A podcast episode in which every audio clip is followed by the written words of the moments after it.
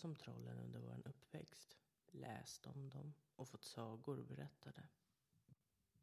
Kanske har du sett ett troll när solen har gått ner och du har befunnit dig i ett trolltätt område. För troll hittar man främst i skogen. De bor i berg, kullar och liknande. Och eftersom trollen skyr ljus så kommer de bara fram när solen har gått ner. Troll tål nämligen inte solljus. Så fort solen träffar deras hud så förvandlas de till sten. Det sägs även att troll undviker att vara ute när det blixtrar. För blixtarna söker sig nämligen till trollen och slår ner i dem. Och som många andra väsen så skyr troll järn och även silver. Trollen är en del i den nordiska kulturen och förekommer bland annat här i Sverige, Norge, Danmark, Island och Finland. Och i Danmark och på Island så kallas trollliknande väsen för ellefolk eller bjärfolk. Många länder i världen har sin egen variant på troll. I England till exempel så finns det gremlins och de är skyldiga till all otur. I tv-serien Förhäxad som sändes från 1998 till 2006 så var tolkningen på troll annorlunda än den vi har här i Norden. I Förhäxad var troll ganska små, kanske cirka 30 centimeter höga, ruggigt fula och endast barn kunde se dem. Och trollen höll till i någonting som kallades för mellanrum, vid dörrposter eller skuggor, som mellanrummet mellan världar ungefär. Och vid tolvslaget på natten så blir hela världen ett mellanrum, vilket innebär att trollen kan röra sig fritt. Så ja, trollen är lite olika beroende på vart i världen man är, men också vilken tidsålder vi har i tanke. När man pratar om troll nu för tiden så är det nog inte supervanligt att vi pratar om de trollen som smyger runt i skogarna. Nu för tiden kallas ju människor som sitter på forum på internet och provocerar fram reaktioner hos folk och driver konversationer som absolut inte leder någonstans för troll. Men det är ju såklart inte de trollen som är intressanta här idag. Oftast så är trollen av ond natur, men det finns såklart variationer. Alla troll behöver inte vara elaka och det finns även olika typer av troll som skogstroll och bergstroll. Skogstrollen lever djupt inne i skogen medan bergstrollen lever i bergen. Och vad man kan läsa om troll så verkar de variera i storlek. Men de är inte speciellt fagra. Och sen så finns det bergakungen. Han är härskare och kung över alla troll. Och det sägs även att hans dotter är skogsrået. Bergakungen bor i ett stort och djupt berg och det största rummet i hans berg kallas för Bergakungens sal. Det sägs även att rummen i Bergakungens berg är fulla med guld och silver och ädelstenar. Troll gillar ju trots allt skatter. Och som sagt så är de rädda för stål och silver. Men de skyr även kyrkor och dess klockor. Och det sägs att det var kristendomen och kyrkorna som drev bort trollen från byarna och drev dem djupt in i skogarna där de är kvar än idag. Och man måste vara på sin vakt om man stöter på ett troll. De är nämligen trollkunniga och kan välja om du ska se dem eller inte. Man pratade ofta om att trollen var hamnskiftare. Och det var en av anledningarna till att man inte såg dem så ofta. En hamnskiftare är när man har förmågan att förvandla sig till någonting annat. Vanligtvis djur. Men om du är ute och vandrar i trollskogar ska du vara uppmärksam på om du känner en lukt av mat eller tobak. Det kan vara ett tydligt tecken på att troll är i närheten. Den första historien idag är skriven av K och handlar om hur ondskefulla troll verkligen kan vara. Det var en kylig höstkväll när Irma och jag bestämde oss för att utforska de mörka och tätbevuxna skogarna i Värmdö. Skogen var täckt av ett tätt täcke av löv och det var knappt något månsken som letade sig igenom trädtopparna. Jag hade hört berättelser om troll som bodde i dessa skogar. Men jag trodde att de bara var gamla sagor som användes för att skrämma barn. Den kvällen skulle jag dock upptäcka sanningen bakom dessa skräckinjagande historier. Vi vandrade djupt in i skogen där tystnaden var närmast överväldigande. Och plötsligt hörde vi en dämpad, hes gråt som verkade komma från någonstans djupt inne i skogen. Irma och jag bytte oroande blickar innan vi bestämde oss för att följa ljudet. Vi fortsatte längs en smal stig som ledde oss djupare in i det okända. Ju längre vi gick desto tydligare hörde vi gråten. Det lät som om någon eller något led. Efter en stunds vandring kom vi fram till en glänta i skogen. Och där, mitt i gläntan, såg vi det. Ett troll. Det var en grotesk och hemsk syn. Det satt där på marken med trasiga kläder och smutsiga, långa, svarta naglar. Dess ögon var tomma och tårögda och dess ansikte var fullt av sorg. Irma och jag tvekade. Men vår medkänsla tog över. Vi närmade oss trollet försiktigt och frågade om det behövde hjälp. Trollet viskade en obegriplig klagan och pekade på sin fot som såg bruten ut.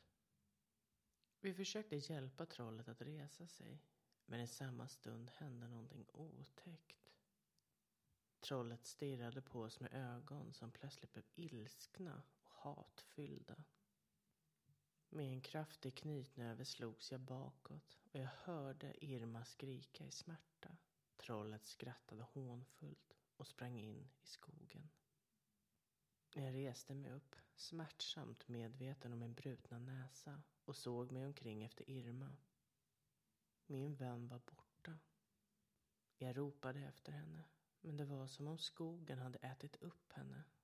Jag var ensam och skräckslagen, omgiven av tystnaden. Jag letade efter Irma i timmar, men hon var borta. Till slut, utmattad och förtvivlad, måste jag ge upp sökandet. Jag lämnade skogen och gick hem, utan min vän. Aldrig har jag känt mig så hjälplös och förlorad som den kvällen. Skogen i Värmdö höll på att bli mitt personliga helvete. Och jag hade inte bara förlorat en vän, utan också min tro på sagor och legender om troll. De var sanna och de var farligare än jag någonsin kunnat föreställa mig. Veckorna efter det skräckinjagande mötet med trollet i Värmdöskogarna var en mardröm som jag inte kunde skaka av mig. Jag hade kontaktat polisen och berättat om Irmas försvinnande. Men de hade haft svårt att tro på min berättelse om trollen. Mina egna tvivel och skuldkänslor gnagde på mig och jag kände mig maktlös. Jag fortsatte att besöka skogen i ett försök att hitta något spår av Irma. Jag visste att det var farligt, men jag var besatt av tanken att rädda henne. Jag gick genom buskar, kollade i grottor och letade längs med stigar. Men varje gång var resultatet detsamma. Inget spår av min vän. Och till slut, flera veckor senare, när hoppet var på väg att rinna ut, hörde jag om en polisutredning som pågick i skogen. De hade hittat någonting. Någonting som de inte kunde förklara. Jag skyndade mig till platsen och möttes av en scen som fortfarande ger mig mardrömmar. På marken, i närheten av den plats där vi hade stött på trollet, låg Irma. Hennes kropp var blek och livlös och hennes ögon var öppna och tomma. Jag skrek av förtvivlan när jag insåg att min älskade vän var borta för alltid. Polisen försökte trösta mig, men de kunde inte ge mig några svar på vad som hade hänt. Det var som om skogen hade tagit henne och släppt henne tillbaka, kall och död. Jag visste att trollen var ansvariga för detta, även om polisen aldrig skulle förstå det. Min vän Irma hade blivit ett offer för någonting fruktansvärt. Någonting som inte hörde hemma i den mänskliga världen. Jag kommer aldrig att glömma den natten då vi mötte trollet. Eller den fasansfulla dagen då jag såg Irmas kropp. Skogen i Värmdö hade blivit ett mörkt och farligt ställe. Och mitt liv hade förändrats för alltid. Sorg, skräck och förlust skulle följa mig resten av mina dagar. Och jag skulle aldrig kunna återvända till den oskyldiga värld jag en gång hade känt. Många år har gått sedan den fasansfulla händelsen i Värmdöskogarna och ärr av sorg och skräck hade satt sina spår i mitt liv. Jag kunde inte längre leva med det oavslutade kapitlet av mitt förflutna. Jag bestämde mig för att återvända till skogen, att konfrontera mina demoner och få ett avslut på det som hade hänt mig och Irma. Skogen hade alltid känts som en farlig plats, men den här gången gick jag in med beslutsamhet.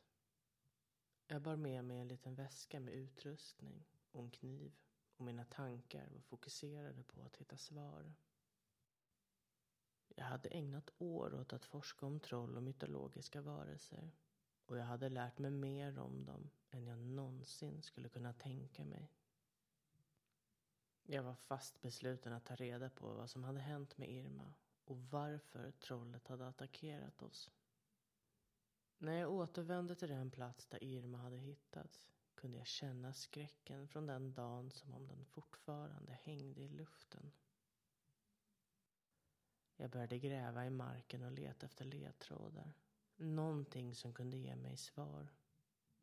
Och det var som om skogen själv försökte hindra mig med sina tätt sammanslingrade träd och skuggor som lekte över marken. Efter timmar av sökande upptäckte jag en gammal grotta gömd bland träden. Någonting sa mig att jag skulle finna svar där.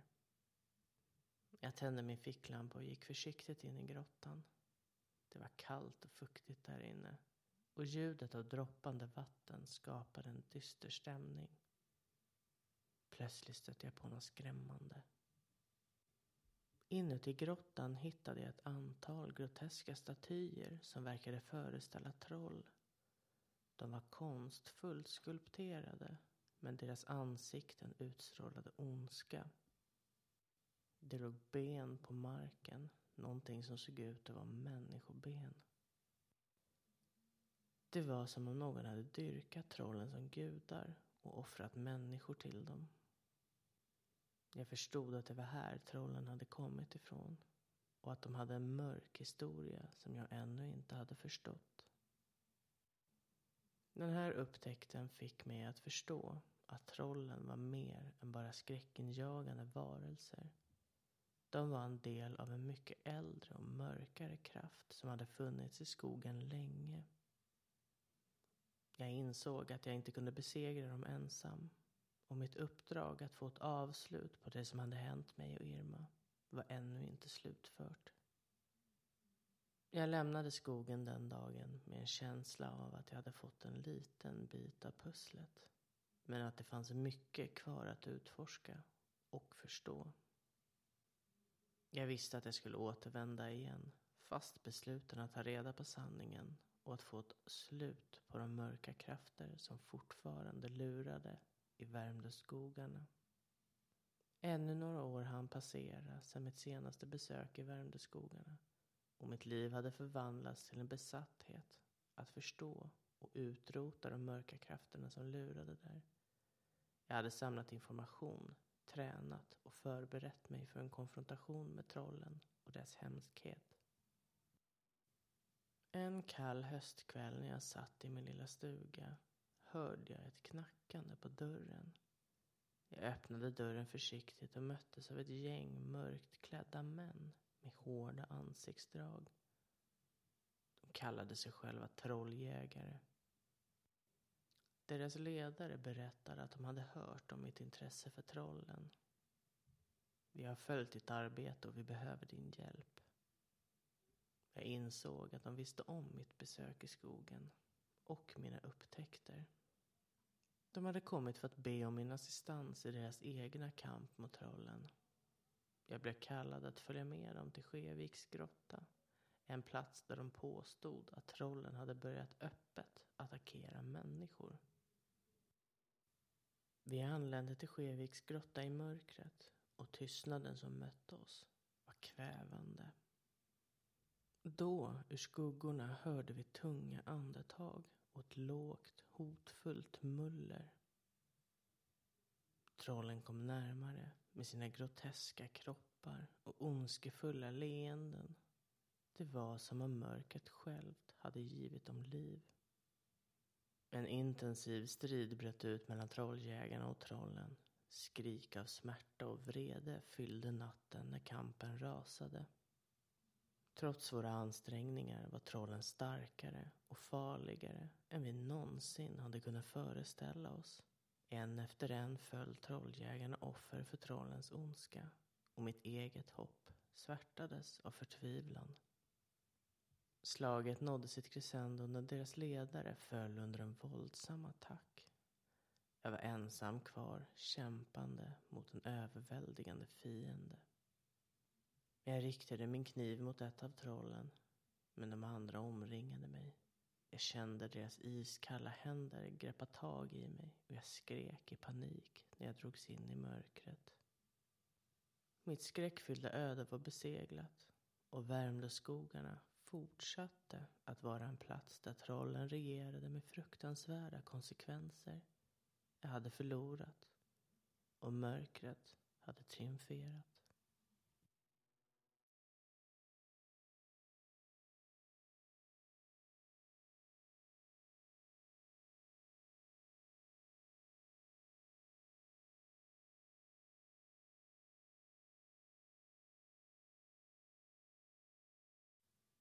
Tack K för din berättelse.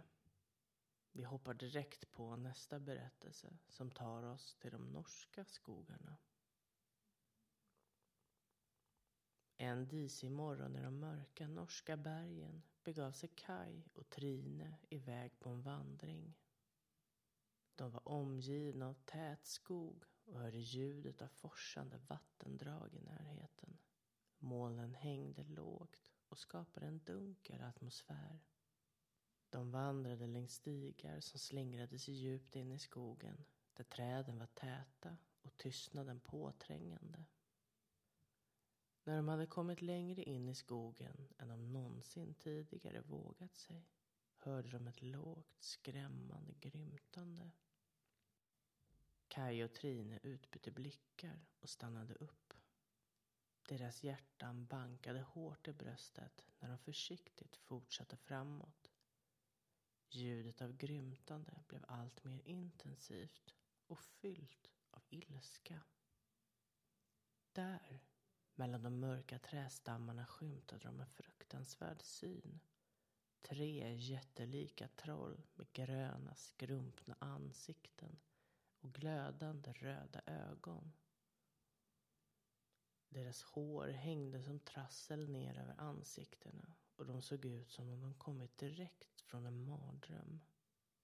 Trollen fräste och hotade Kaj och Trine med utsträckta klor. De två vandrarna var fastfrusna av skräck.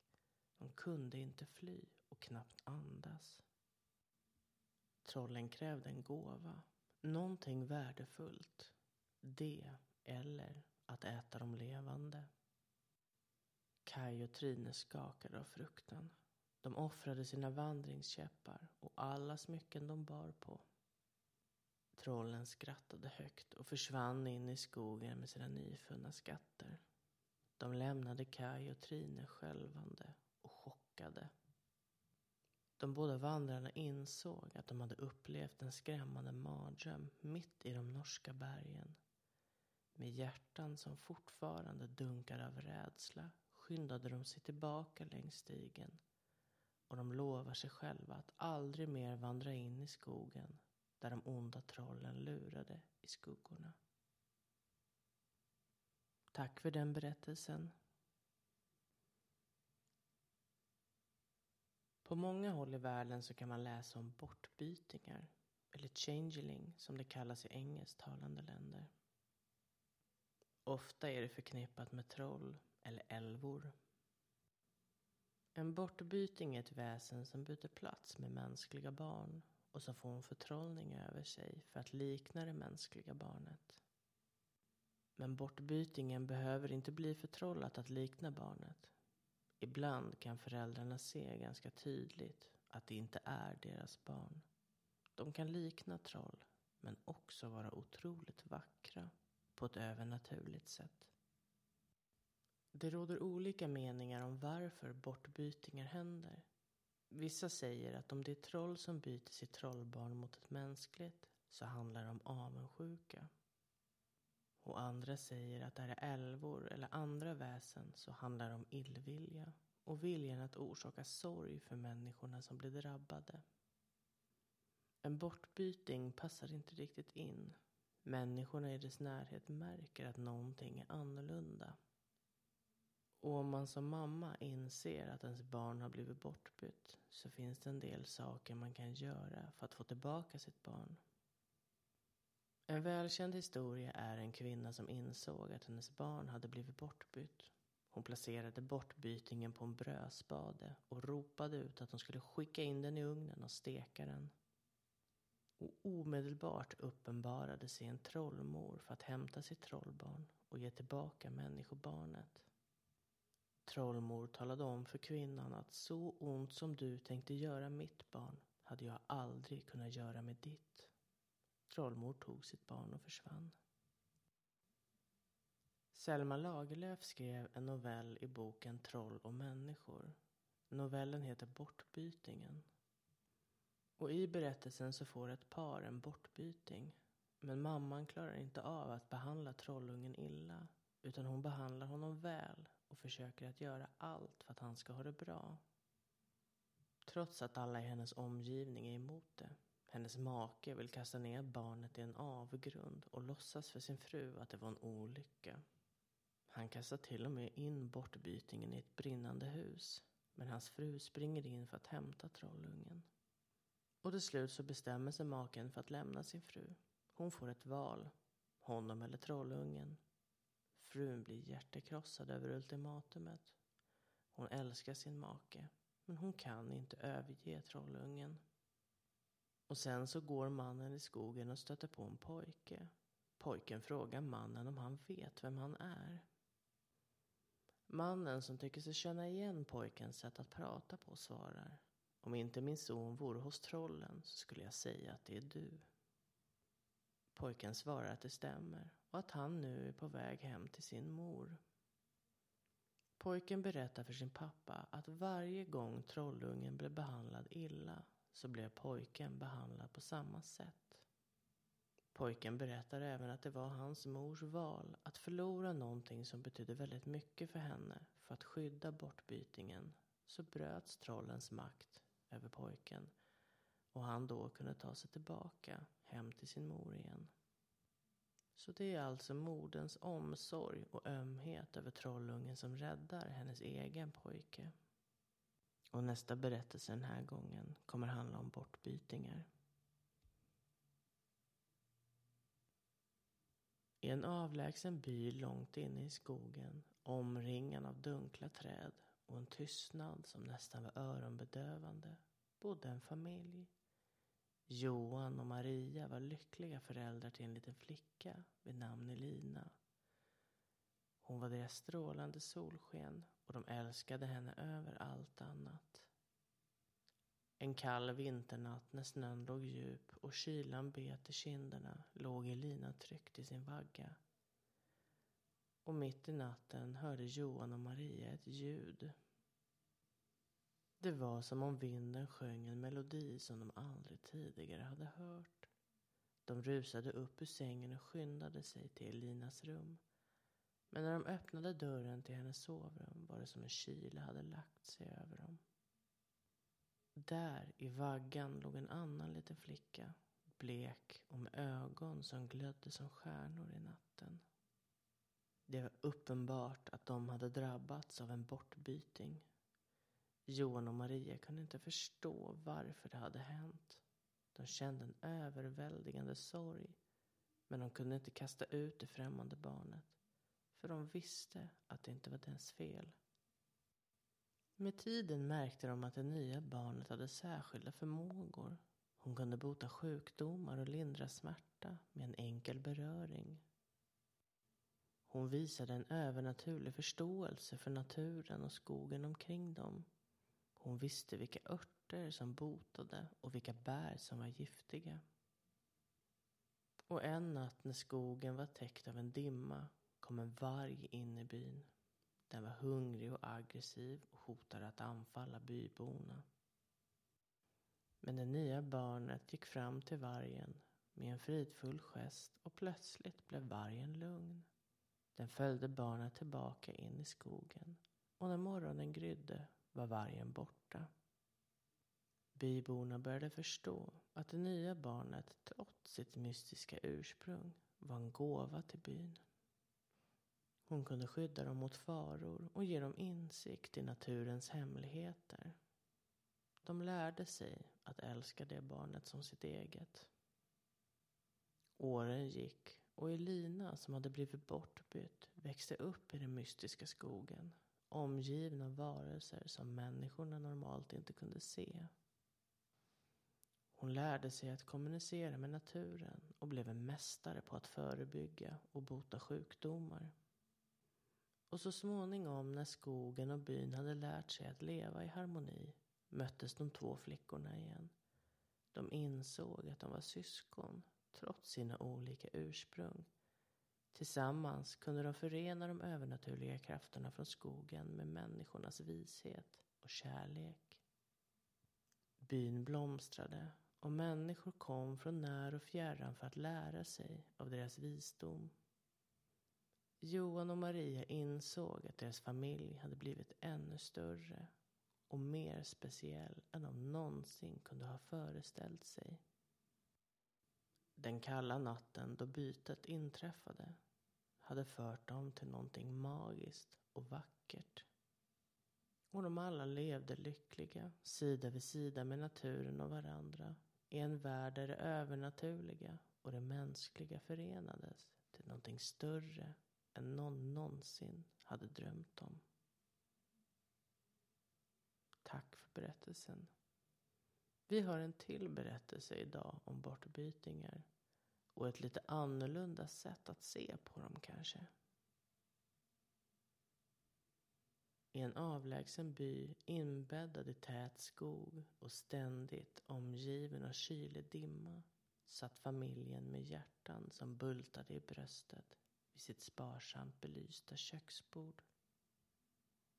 Föräldrarna Anna och Henrik stirrade på sina två små döttrar, Emma och Linnea, som lekte med sina dockor i ett hörn av rummet.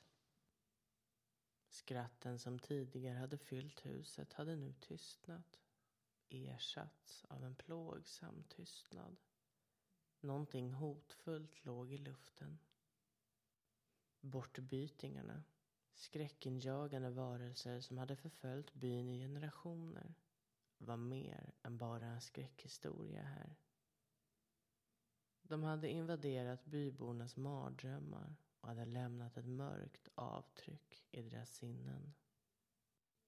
En kväll när dimman låg tät och regnet öste ner i öronbedövande kaskader hördes ett knappt hörbart isande gnisslande ifrån dörren. Deras hjärtan stannade och när dörren öppnades försiktigt möttes de av en ålderdomlig kvinna i smutsiga trasor. Med vilda ögon och ett skrik i rösten. Ni måste hjälpa mig, viskade hon. Mitt barn har blivit bortfört av bortbytingarna. Familjen kunde inte vända bort en desperat mor. Så de bjöd in kvinnan som kallades för Eliza. Hon var blek och skakig och hennes berättelse om mörka nätter i skogen, barnskrik som slet genom tystnaden och skuggor som lurade i varje trägren var mer läskig än någonting som de någonsin hade hört tidigare. Nästa morgon följde de vid skymningens tid Eliza in i skogen. En plats där solen knappt vågade visa sig och dimman hängde som en dunkel slöja över träden Skogen verkade leva Och det var som om varelsen som bodde där andades i otakt med deras egna hjärtslag. De kom till en glänta som var omgiven av uråldriga träd och stenblock som kändes som om de dolde en ondska från en svunnen tid. Där i gläntan satt de två bortbytingarna. De var svarta och slemmiga med blek hy och svarta ögon som glimrade av en ond glädje. De höll i Elisas son, en ung man som inte hade åldrats en dag sedan han försvann. Hans ansikte var skrämmande tomt och förvridet. Familjen försökte förhandla med bortbytingarna men deras röster var som en vältalig smärta. Det fanns ingen väg till försoning med dessa skräckinjagande varelser. De krävde en offring. Och Anna med tårar i ögonen erbjöd sig själv som en offergåva för att rädda den unge mannen. Bortbytingarna accepterade erbjudandet och bytte Elisas son mot Anna. Men när Anna stod där, redo att följa med bortbytingarna in i skogens mörka djup, kände hon en stark hand som greppade hennes axel. Det var Eliza, som inte kunde låta någon annan, en annan mor, offra sig för hennes son. Så tillsammans med Anna och hennes familj kastade de bort bytingarna i en klyfta där de försvann med skrik som skar genom natten. Och när de återvände till byn så var de hjältar. Men skuggan av skogen hade kastat en mörk skugga över dem. De visste att bortbytingarna fortfarande lurade i skuggorna. Alltid redo att återvända. Så byborna levde nu i ständig fruktan och berättelsen om familjen som stod emot bortbytingarna var en varningssignal om vad som lurade i skogens djup. För även om bortbytingarna hade besegrats för stunden skulle deras ondska aldrig riktigt förlora greppet om byns invånare. Tack för den historien. Ja, troll och bortbytingar. Men någonting som troll också gör är att bergta. Och främst så är det kvinnor som riskerar att bli bergtagna. Många säger att det var ett sätt för trollen att roa sig. Att bergta och ha dem inlåsta i sina berg. Det kanske inte alltid var så illa som det låter. Trollen har ju en förmåga att kunna förvränga synen på de som blir bergtagna. Så istället för att se dunkla, fuktiga grottor så såg de vackra och ljusa, stora palats med fantastisk mat. Och vissa säger att trollen bergtar unga kvinnor för att skaffa barn med dem. Ni förstår, barn som är hälften troll ser inte ut som troll. De har lättare för att passa in hos människor. Och detta kunde trollen tycka var bra eftersom avundsjuka ofta styrde deras handlingar. Så vi avslutar det här programmet med en sista historia som vi har fått in. Hej oknytt och andra väsen. Jag vill berätta en berättelse som min mormor berättade för mig för ett par år sedan. Mormors familj kommer uppifrån Luleå och nu för tiden bor vi i Östersund. Men mycket av mammas sida av familjen bor kvar där uppe. Och den här berättelsen handlar om min mormors farmors farmors syster. Ja, jag vet. Krångligt. Hon hette Maria.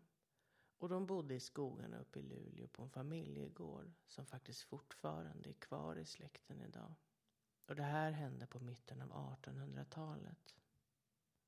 I den här trakten var folktron om troll och vättar och vittror och allt annat oknytt ganska stor. Det finns ett vitterkors på huset fortfarande idag. Maria var, som mormor berättade, som vilken tjej som helst. Hon var inte en slående skönhet i byn och inte heller ett kyrkligt praktexemplar. Hon var en vanlig alldaglig tjej bara, med mycket humor och glädje. När hon var ute en morgon och hämtade ägg försvann hon. Hennes syskon och föräldrar letade efter henne i timmar runt om huset. Men det enda spår av henne var korgen som hon skulle samla in äggen i. Och den låg strax bakom hönshuset vid skogskanten. Syskonen skickades ut för att hämta folket från de närliggande gårdarna för att hjälpa till. Och man sökte hela dagen, kvällen och natten. Men inget spår av Maria fanns. Den kloka gumman i byn kallade till sig familjen och berättade att Maria hade blivit bergtagen. Och det enda de kunde göra var att hoppas att trollen skulle låta henne komma hem till slut. Och Maria kom hem till slut. Efter nästan ett år på dagen stod hon en morgon på farstukvisten, smutsig men välnärd och höggravid. Maria pratade inte om vad hon hade varit, vad som hade hänt och hon ville inte berätta om vem eller vad som var far till hennes barn. När det var dags för barnet att födas så var det en lång och utdragen förlossning. Det var en pojke och han var till synes frisk. Men han såg inte ut som bebisar brukar göra. Han hade grövre ansiktsdrag och ögonen såg annorlunda ut. Maria lät ingen röra hennes son. Enligt mormor blev Maria helt vild när någon närmade sig. Hon drog sig undan och efter bara två veckor hemma så försvann hon med sin son. Och ingen såg henne igen. Byns kloka gumma förklarade för Marias föräldrar att hennes själ aldrig kom hem igen. Trollen kanske släppte henne, men de behöll hennes själ. En del av Maria ville komma hem för att säga hej då, men instinkten att skydda hennes trollunge var för stor för att kunna stanna en längre tid.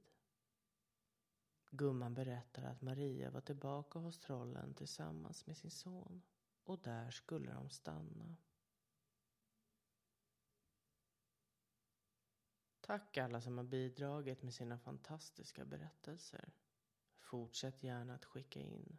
Det är verkligen roligt att få läsa igenom allt. Med det sagt så säger vi hej då för den här gången.